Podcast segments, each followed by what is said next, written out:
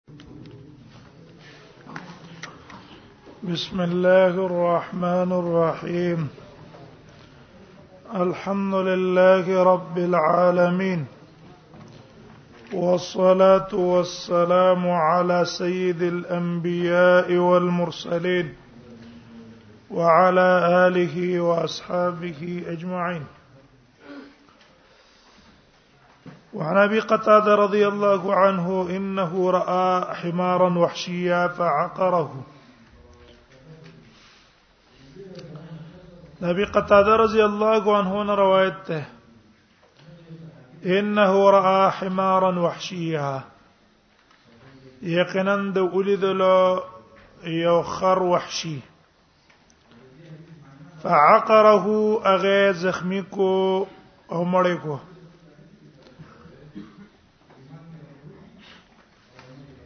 فقال النبي صلى الله عليه وسلم ندیو د نبی صلی الله علیه وسلم نه تاسو کو چې اې د الله نبی د دې خره خړل منګ له جایز دي کنه فقال نبی صلی الله علیه وسلم ویل هل معکم من لحمه شیء اشتري تاسو را من لحمه دا غي د غوخه نه شي اون څه شي دا د لپاره چې رسول الله صلی الله علیه وسلم په خپل استعمال کې قال وی فرمایل معنا رجلو من سه خفدا فاخذها فاكلها نبی صلی الله علیه وسلم اغونی رواغستلا په خیر کړو وی خړله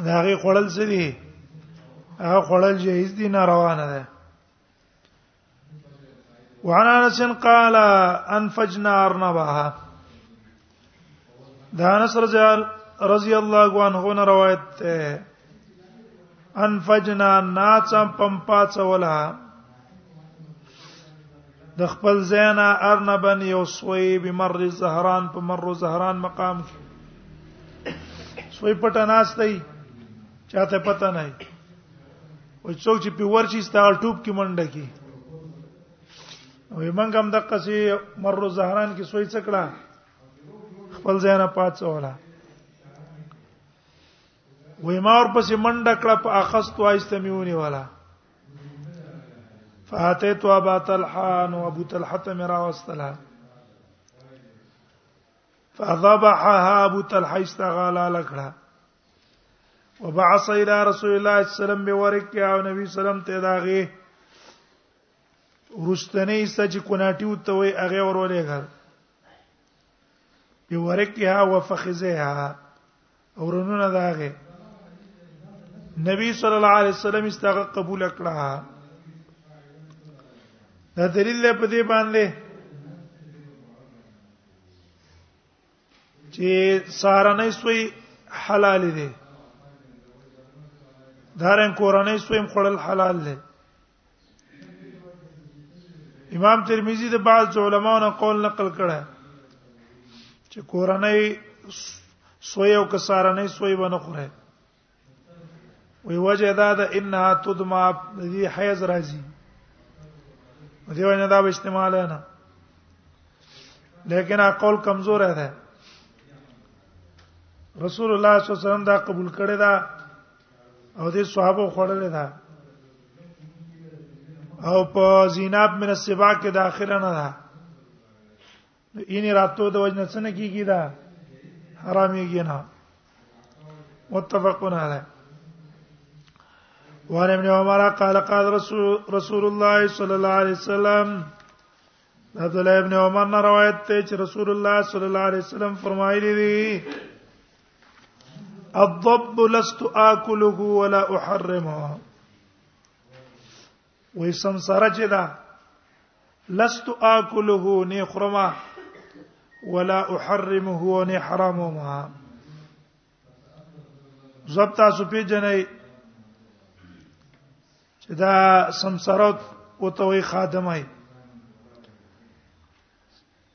دوانه یو نوع ده او یو غټو نوع ده بلې وړه ده د حدیث کې دي چې نه خرمه په خپل او حرام متنه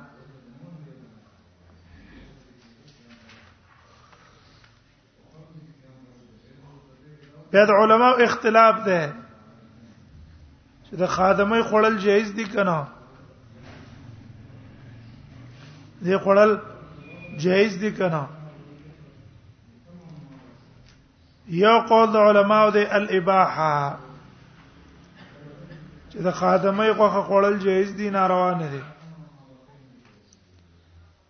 دا قول د امام شافعي رحمه الله او دا قول د حنابلو هم د شوافی او د حنابلو او د محدثین علما او مذهب دا ده چې د خادمای خړل جایز دي ناروا نه دي دی استدلال نیولې د جواز لپاره یو په حدیث د خالد ابن ولید چې دا لاندې ده وعن ابن عباس ان خالد بن الوليد اخبره دا عبد الله ابن عباس نه روایت ته وی خالد ابن ولید ما ته خبر را کړه انه دخل مع رسول الله صلی الله علیه وسلم علی میمونه چې د ورغه د نبی صلی الله علیه وسلم سره په میمونه میمونه د نبی صلی الله علیه وسلم بیبي وا د خالد ترور وا او د ابن عباس ترور مو وهي خالته او دا میمونه ترور و د خالد وخالت ابن عباس او ترور و د ابن عباس هم د ابن عباس د مور خورم و او د خالد د مور خورم و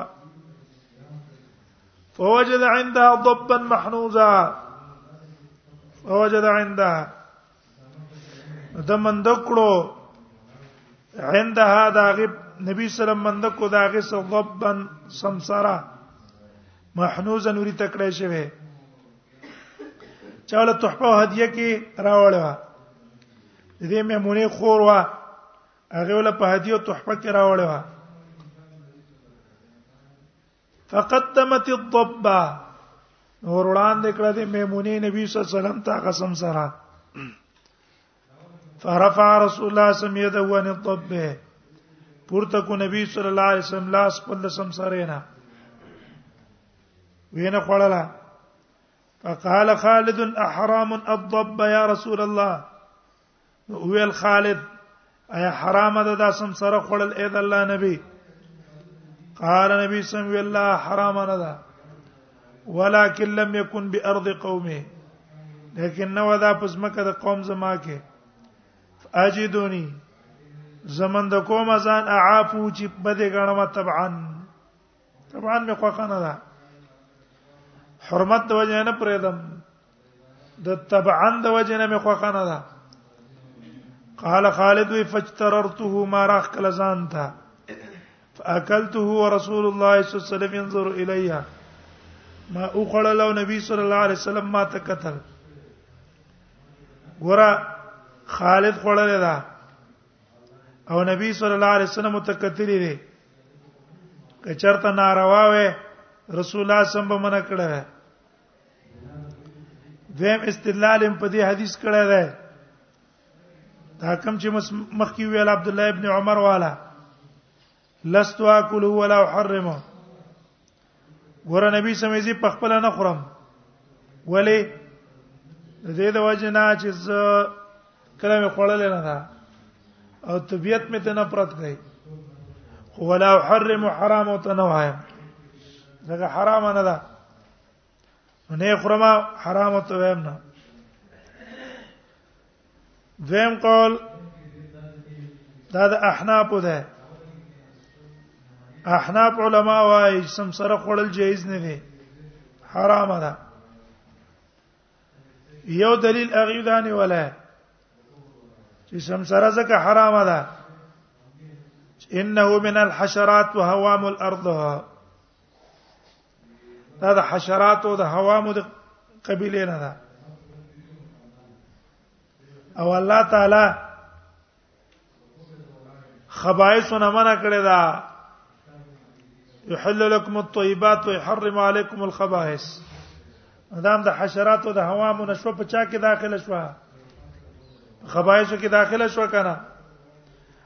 نو يحرم عليهم الخبائث کې څه شولو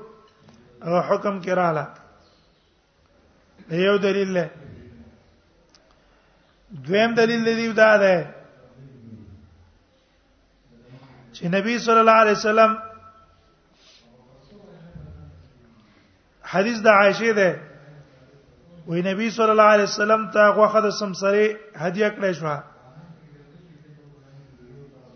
نو وی نبی صلی الله علیه وسلم څوک له فم تن عیا کوله نبی زمونه خوړلا وی فجاءت سائله یا سوالګر رااله نو ارادت عائشه رضی الله عنها ان تطعمها اياه و عائشه رضی الله عنها اراده وکړه چې دا سمسرا کې تورکه نبی صلی الله علیه وسلم ته ویل قال لها رسول الله صلی الله علیه وسلم اتطعمين ما لا تاكلين هغه شی بل په خوراک ورکه چې په خپل نه خوري اته څه کې دا تحاوی دا روایت راوړل وی ګورا چې منع کړه د تس د تصدق نه دلیل شو په دې چې دې خړل جایز نه دي کنه بل دی وای وې دا سمساره چې دا من الجمله الممسوخ دا د هغه قومونو نه چې هغه مسخ شوی دي او د منسوخ خړل حرام دي لکه دا میلو شو دا نوع د منسوخ ده کنه یا شادو شو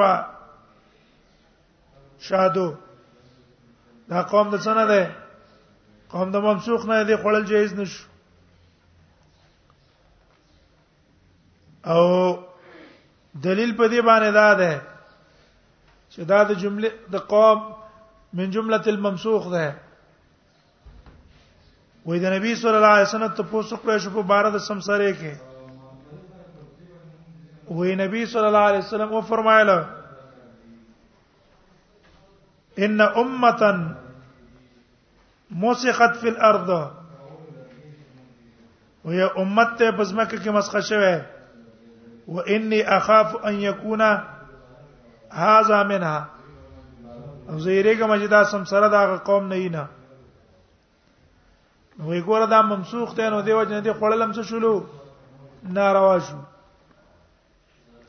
دا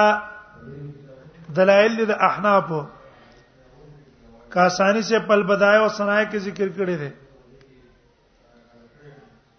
لیکن دا درایل دی کمزورې دی اول قول چې دی دا ویل دی انه من الحشرات ومن هوام الارض دا د حشرات او د هوا ملارت نه ده جواب دار چې شي دي کنه د دې کېدل د هوا او د حشرات الارض نه دا دلیل د حرمت نه ده لا تقتضي التحريم حشرات دي شي یا د هوا او الارض نه دي شي خو لیکن دا حرام نه ده د وجه دغه دلیل نه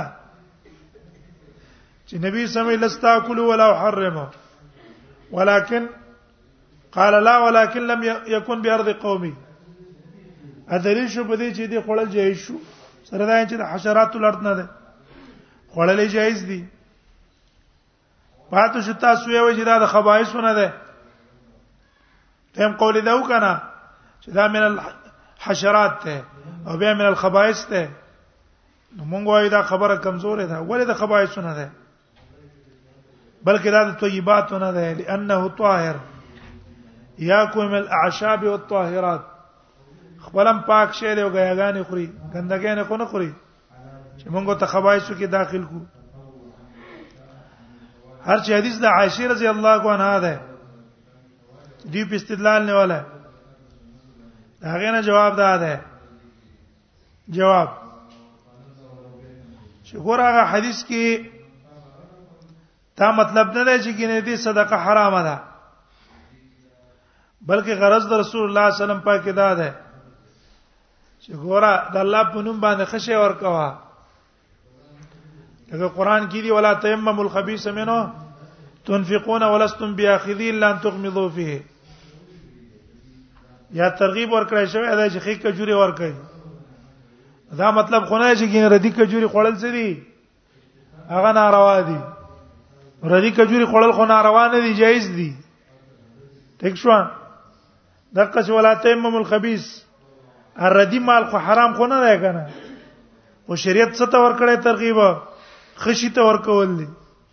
دغه څه نبی صلی الله علیه وسلم هم دا ویلي پاتې شو دي استدلال په دین ولا ده چې ګور الزب چې د قوم منسوخ نه ده جواب دا غنه ده چې ګوره احادیثو کې تصریح راغلي ده داغه په اباحت ٹھیک شو چې دا جایز ده او دا د قوم ممسوخونه نه ده دا څنګه نه ده قوم منسوخ نه نه ده وجدادا ابن تیمیه رحم الله وای په منتقا کې وقد صح عنه صلى الله عليه وسلم ان الممسوخ لا نسن له او د نبی صلی الله علیه وسلم دا ثابت دي چې حکم منسوخ شي دا غوی نسل نه ان القوم الممسوخ لا نسل له سوچ مسخ شي دا غنه سن نه ټیک شو نو ټیک دا ول کې رسول الله صلی الله علیه وسلم کو ویلې می دا ته پته نه و او جرستو ته پته رااله چې قوم ممسوخ نسل پاتې کیږي نه نو بیا رسول الله صلی الله علیه وسلم حکم ورکړلو چې لا لا کله هو ولا حرمه خپل خرمنا حرام ته نه حرام تنوي او په خپل نه خورم طبعا راځي قول دار چې څوک یې خوري زړیو ته کیږي خړل جایز دي او که یو تنه نه خوري عادت نه ده خبره وکړه نشته متفقون علی طبيعت جدا خبره ده یو تن بلره په شوق باندې خوري شاهزاده بوته وي ټیک شو او مزل په پسې کې چې پلان کې چې لره ډېر مشهور دی او بل تن باندې به خوروا بوی بد راځي چې بوی واري دی بوی د لري پیراشي کنه په سره درد شي هغه ته به خبره ده وزړای به څه ته نه وای آرام به وته نه وای ډېر لره آرام دی دغه چې پانچې والا چې و پانچې په شو خوري چا باندې به غسلیخ بدی شي دا طبيعت خبره ده نو حلا او حرمت جدا ده طبيعت جدا ده سم سره حلال ده که یو تن یخري و دی خوري او که یو تن نه خوري غپه نشته حرام به وته نه وای وعن ابن عباس ان خالد بن الوليد اخبره عبد الله ابن عباس روایت ته خالد بن ولید خا وعن ابي موسى قال رايت رسول الله صلى الله عليه وسلم ياكل ابي موسى روایت ته ما نبی سم لیدلې ده یاکل چې خړل به لحمت دجاج وخد چرګه چرګه غوښه خوړل جایز دي اگر کاغه ګندګې نه مخوري ولیکن اکثر خوراک لاغي سي پاکي کنه دا ګندګې نه سره کمی دا هغه غوښه خوړل جایز دي متفقون علی وعن ابن ابي اوفا قال غزونا مع رسول الله صلى الله عليه وسلم عبد الله ابن ابي اوفان روایت ته موږ د نبی صلی الله علیه وسلم څخه قضا کړو ها سبا غزوات نو غزا غانه كنا ناكل ماء الجراد موږ به د نبی صلی الله علیه وسلم لخان خړل نبی سم په زمانه کې هم لخان خړلې جراد خړل جاي شو علما وی زکا چې دا اصل کې من دواب البحر ده دغه د دریاب د حیوان د سپیګمې د بوکینه دا پیدا کیږي داغه نوع شو کنه دیو جن بس په ډنګي او والا الاول ته ضرورت هم نشته خړلې شي اوس دام چې څو خوري خړلې شي آرام به وته نه وای دا کول ما الجرات متفقون علیه بیا د امت ته مخکې ملخان ډیرو او قیامت ته نږدې چې راځي وي اول امت په امتونو کې جرات ختميږي تبه ختميږي اول بدا ختميږي كنا ناكل مع الجراد متفق عليه وعن جابر قال غزوت جيش الخبط جابر وای غزوت ز غزاله ترم د جيش الخبط جيش الخبط هغه لخر ده عبيده ابن جراح او غزوه سیف البحر باندې مشهور ده هغه دریا په غاړه باندې و او په دې کې او ته مې را غورځېدلې وو خبرو ته ځکه وجدي پانه خړلې سختو لګه پیراله د ولګې د لاس دی ورا ولګېدل هغه پانه به راش کول هغه پانه به خړلې زکه ته جيش الخبت وای وی غزوت جيش الخبت و امر ابو عبيده او امیر مقرشه بوم باندې ابو عبيده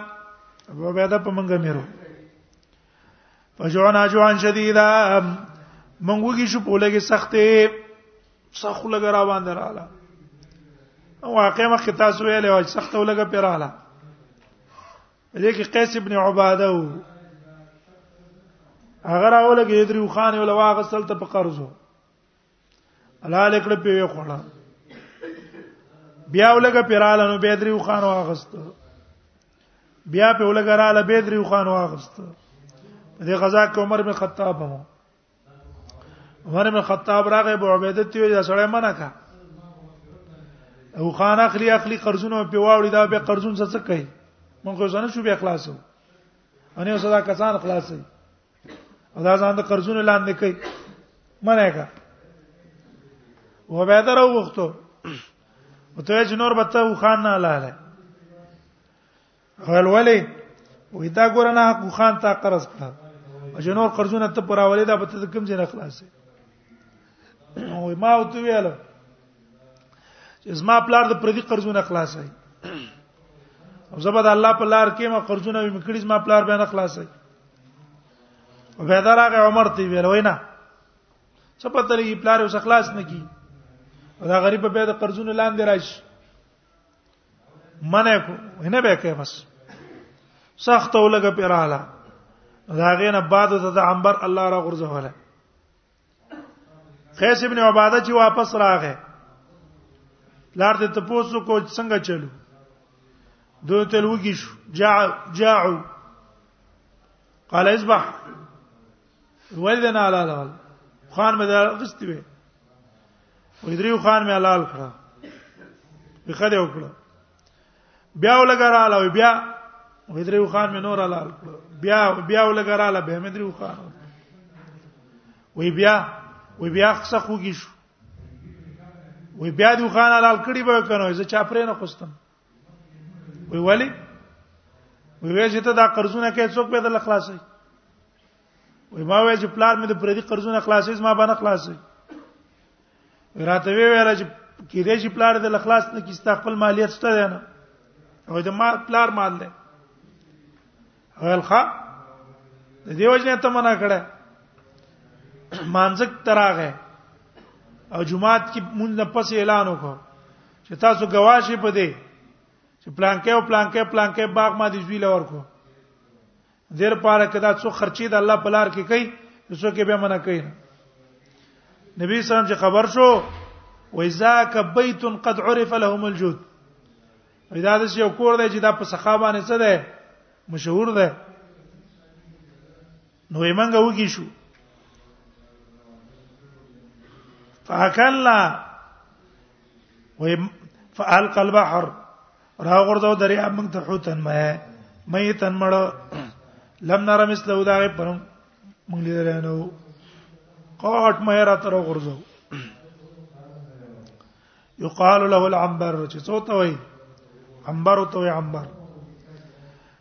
فاکلنا منو نصف شهر موږ داینه نیمیاش خوراک وکړو نیمیاش هم دې څکاو خوراک هم دې کاو فاخذ ابو عبیده تاز مې نظام 300 کسانو 15 ورځې ته خوراک کړه قال دا وای په اخر کې فاخذ ابو عبیده تعظم من نظامه ونی ابو عبیده یو ډو کې من نظامی داغه دا ډو کونه ډو کې ولر واغست فمر راکب تیر شو هغه سور تحت دا غلان دی زړو کې ودرو او په اسبانه ودرېدو دا قیس دا په ټولو کې غټو بدن نه تورې ولور کړه دا غلان دی چې تیر شو او پخته هغه سر څڅونه لګیدله نه زاو سونه لګي دا دونه غټو عمر راکب تحته فلما قدمنا او نه کسان یو سترګې د سورې نه ده د سترګې سورې ته نه کسان د نور نه وته وې فلما قدمنا کله چې موږ رالو ذکرنا علی نبی صلی الله علیه وسلم ما نبی صلی الله علیه وسلم ته دا خبره ذکر کړله فقال نبی صلی الله علیه وسلم کلو خړی مارا کم چې خدي چې خړلم کړی دي رزقا اخرجه الله الیکم دا خوراک الله تاسو ترې سره ده وطعمونا من تمرا کین کان ما کوم که تاسو رہی دا برکت شه ده موږ له امره کوي فارسلنا الى رسول الله صلی الله علیه وسلم فاکلو موږ نبی سم ته دي دا غنه شی ورولې غلو نبی سم وخړل معلوم شي دریاب کې ارڅونه غټ مې خړلې زدي جایز دي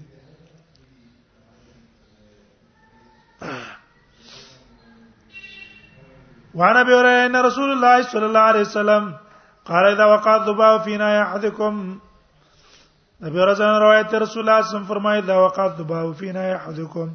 کله چې پریوزي مچ په لوخي دی او تن تاسو کې فل یغمسو کلها پوره غو په دی ولا ورکی ثم ليطرح بيده غرزي بيده غرزي ولې فإن في هذه في هذه جناح شفاء ذکر یو وزر کې شفاء ده او په دې بل کې دا دا حدیث کې دا دي چې دا دونه ضروري دي کنه اکثر کوک پروتي کلم چې غورځیدلې کوک پروتي وجدا دا دا غزروي شی وړاندې کوي ته دا بل امر واچو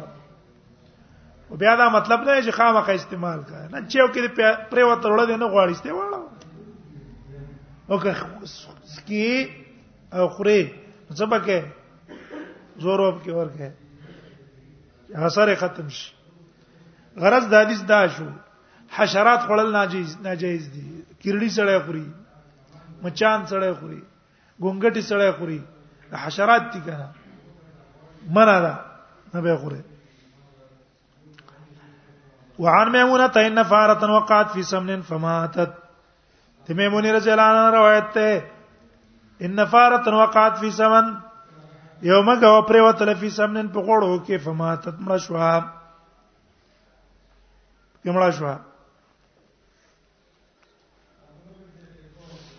فسئل رسول الله صلی الله علیه وسلم نبی صلی الله علیه وسلم پوسو کړی شو فقال یا القوا ما حوله او غرزوي دا غیر اغه وما حوله دا غیر نکر چا پیرو کولو اخري القوا وما حولها غړیو غرزوي ګر چا پیرته غړیو غرزوي به استعمال کوي وجه دا چې غړو کې دي شرایط اخوان ورن کی ابن حزم په وبم قیاس کړی دی خو نه دا خبره بعضو کسانو پیدا کړی دی خو ټیک نه صرف دا حکم د چا ده اته غړو ده هم بیا ګورا په دې خو اتفاق دی د علماو که چرتا غوړی و چو جامدو او مګب کې پرې واتلا نو مګب غورځي او د دې نه ګر چا پیر چې کوم غوړی دی هغه به غورځي په دې اتفاق ده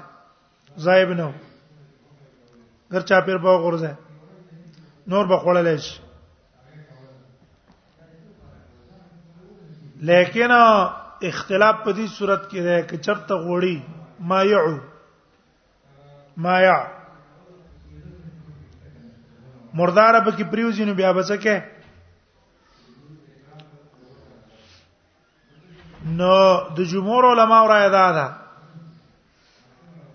چې ما یعب ټول اړه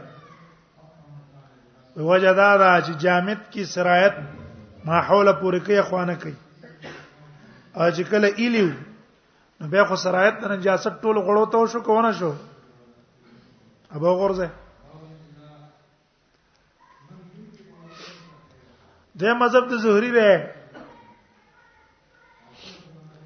ابن تیمیه رحم الله هم غوړه کړه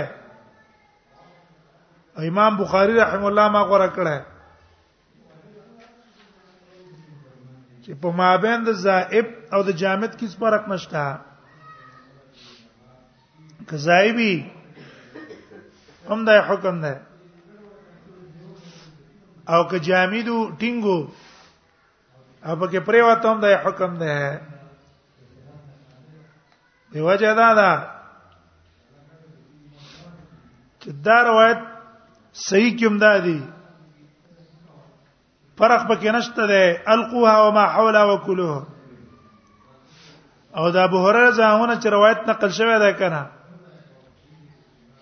نو د معمر پر روایت کې صرف دا دی ان کان جامدن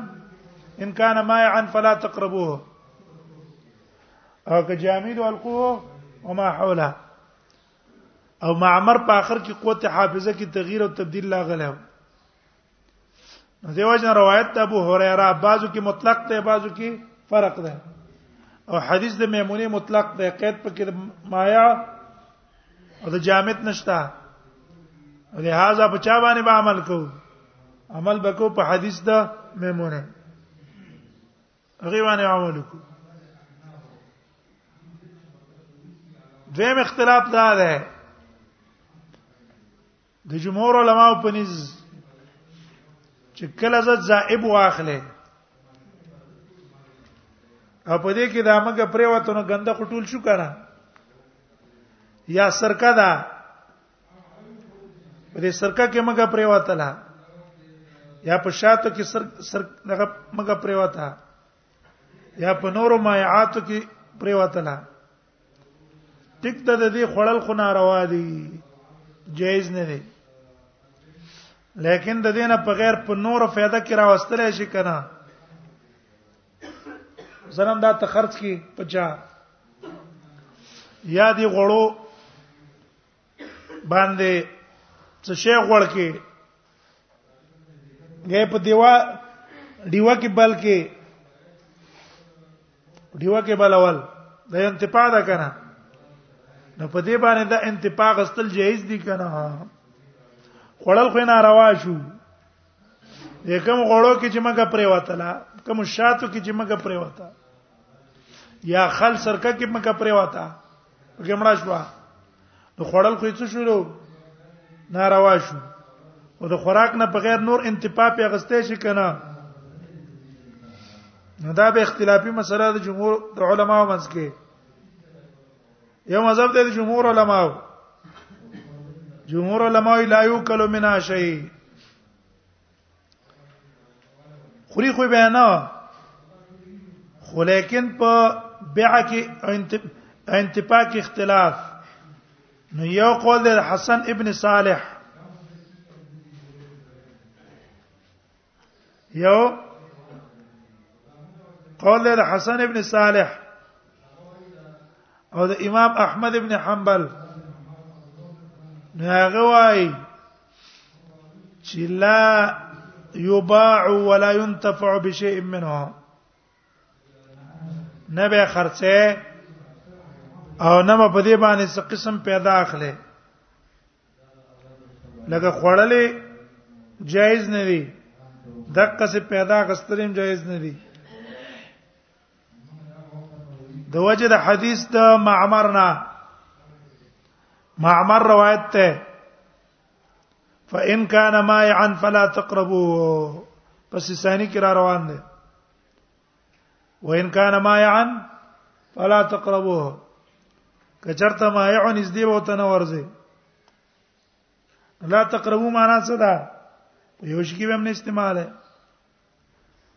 دیم استدلال کړه په دې قول د نبی صلی الله علیه وسلم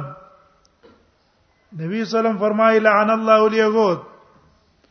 حرمت عليهم الشحوم الله دې په يهودانو باندې لعنت وکي واز کې په حرام شوي فباعوها واكلوا ثمنها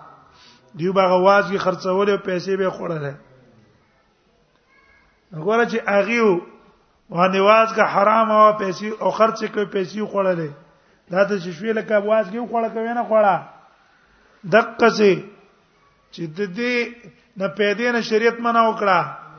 نو تیرا لګي خرڅې او د دې پیسې خوري دا د شي لکه تا څوک لرو دا مردار غوړي دی خوړو ذم قال هغه ده يجوز الاستصحاء استصباح به يجوز الاستصباح به وډیو کې بلول جایز دانه ول انتفاع فی الصابون صابون کې چې یا په بل شي کې دا غوړی چې استسباح ویل کی مصباح دیو په بلول دارنګ په بل شي کې پیدا غسل لکه صابون کې واچي و غیره کشته په غوړې کې رسې په غوړې کې خیره ولا يجوز بيعه واكله او خرڅه ولا او خړل جایز نه دی دا قول د امام مالک سفیان ثوری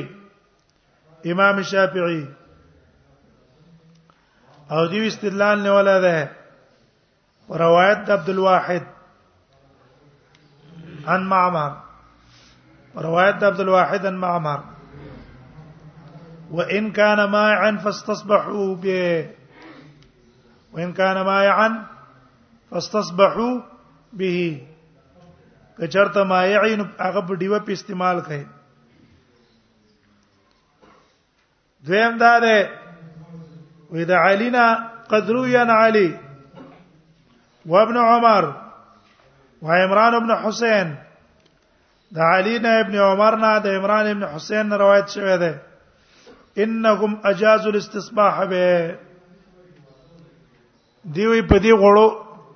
دیوه بلول جایز دي دارنګ ابن عمر وې حکم کړی دی ان تدهن به الادم په دې باندې سرمنې غړولای شي خیره دار ابن جرير طبري د ابن عباس نه دغه څه قول نقل کړه د انتفاع په جایز ده او ابن المنذر د عبد الله ابن مسعود نه د ابي سعيد الخدري نه او د عطاء ابن ابي رباح نوم دغه څه قول نقل کړه انتفاق استل په جهیز دي ناروا نه دي او دلیل نیولې ده په منع البيع چې خرڅول ناروا خو انتفاق استلې جائز د بیع د حرمت لپاره دلیل نه ولای په حدیث دا په دې حدیث چې ان الذي حرم شربها حرم بيعها کم ذات چې شراب سکل حرام کړی دی دا هغه خرڅول هم حرام کړی دی همدارنګ استدلال په حدیث د هغه شحوم کړه چې نبی صلی الله علیه وسلم وایي لعن الله اليهود او يهوديان دې الله لعنت وکړي چې وازګه په حرام شوي نو دی باغ الی کړلې اډل به احساس کړه به خرج کړو پیسې به کړلې بل دی وای چې قد ينتفع بما لا يجوز بيعه کله به یو شی خرڅول به ناروای لیکن کله په خپل پیدا کې راس راوستش پیدا کې راوستل به جایز یا خرڅول به زوی ناروای لکه داغي مثال ام ولدین سره پیدا اخلي کنه ستو می ولدا دا د دې خرڅول حرام دي خو پیدا غسل دلته څه دي جایز دي دارنګي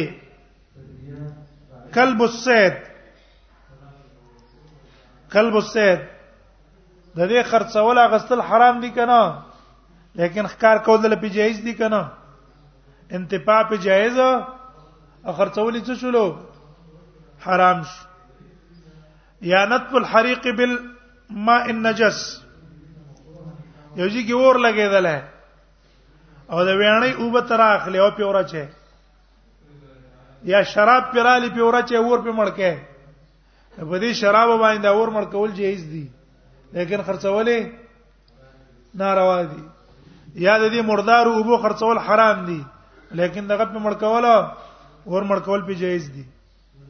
ولا يجوز بيع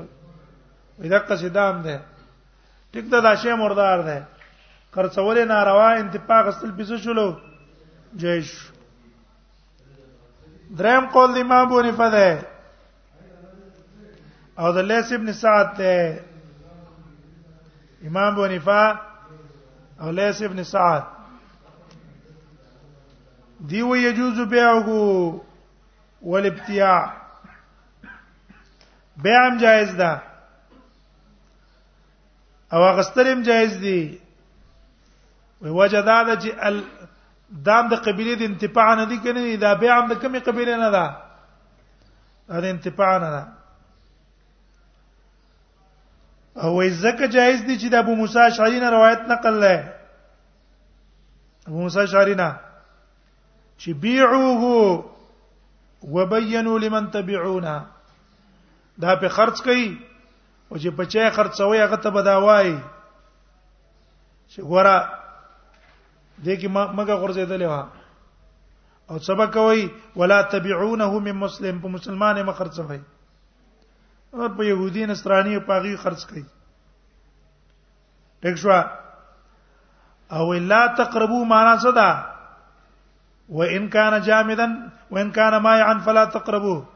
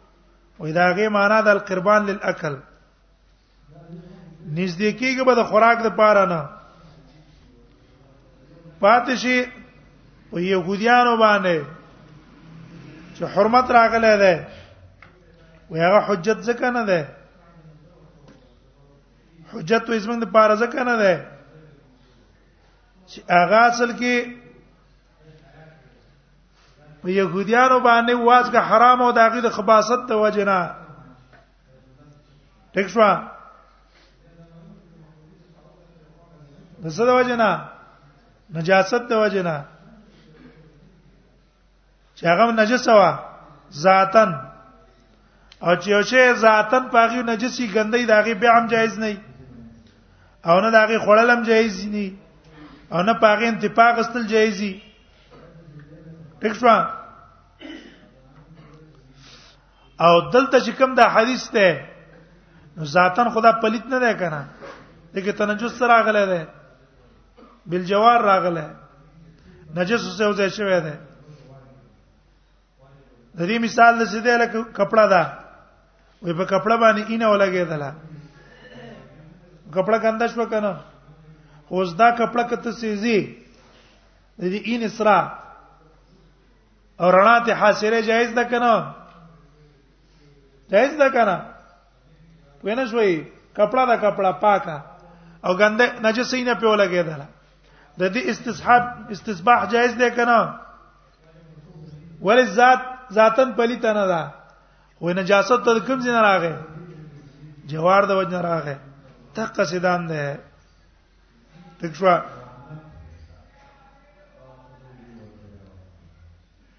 دا اختلاف د علماو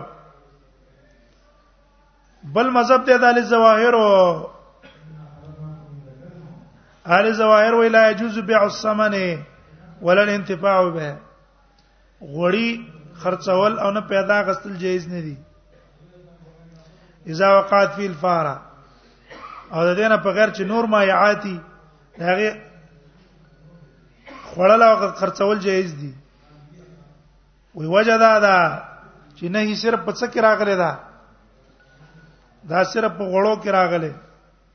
نور کې نه ده ټیک شو لیکن د دې دا قولم صحیح نه ده وجدا دا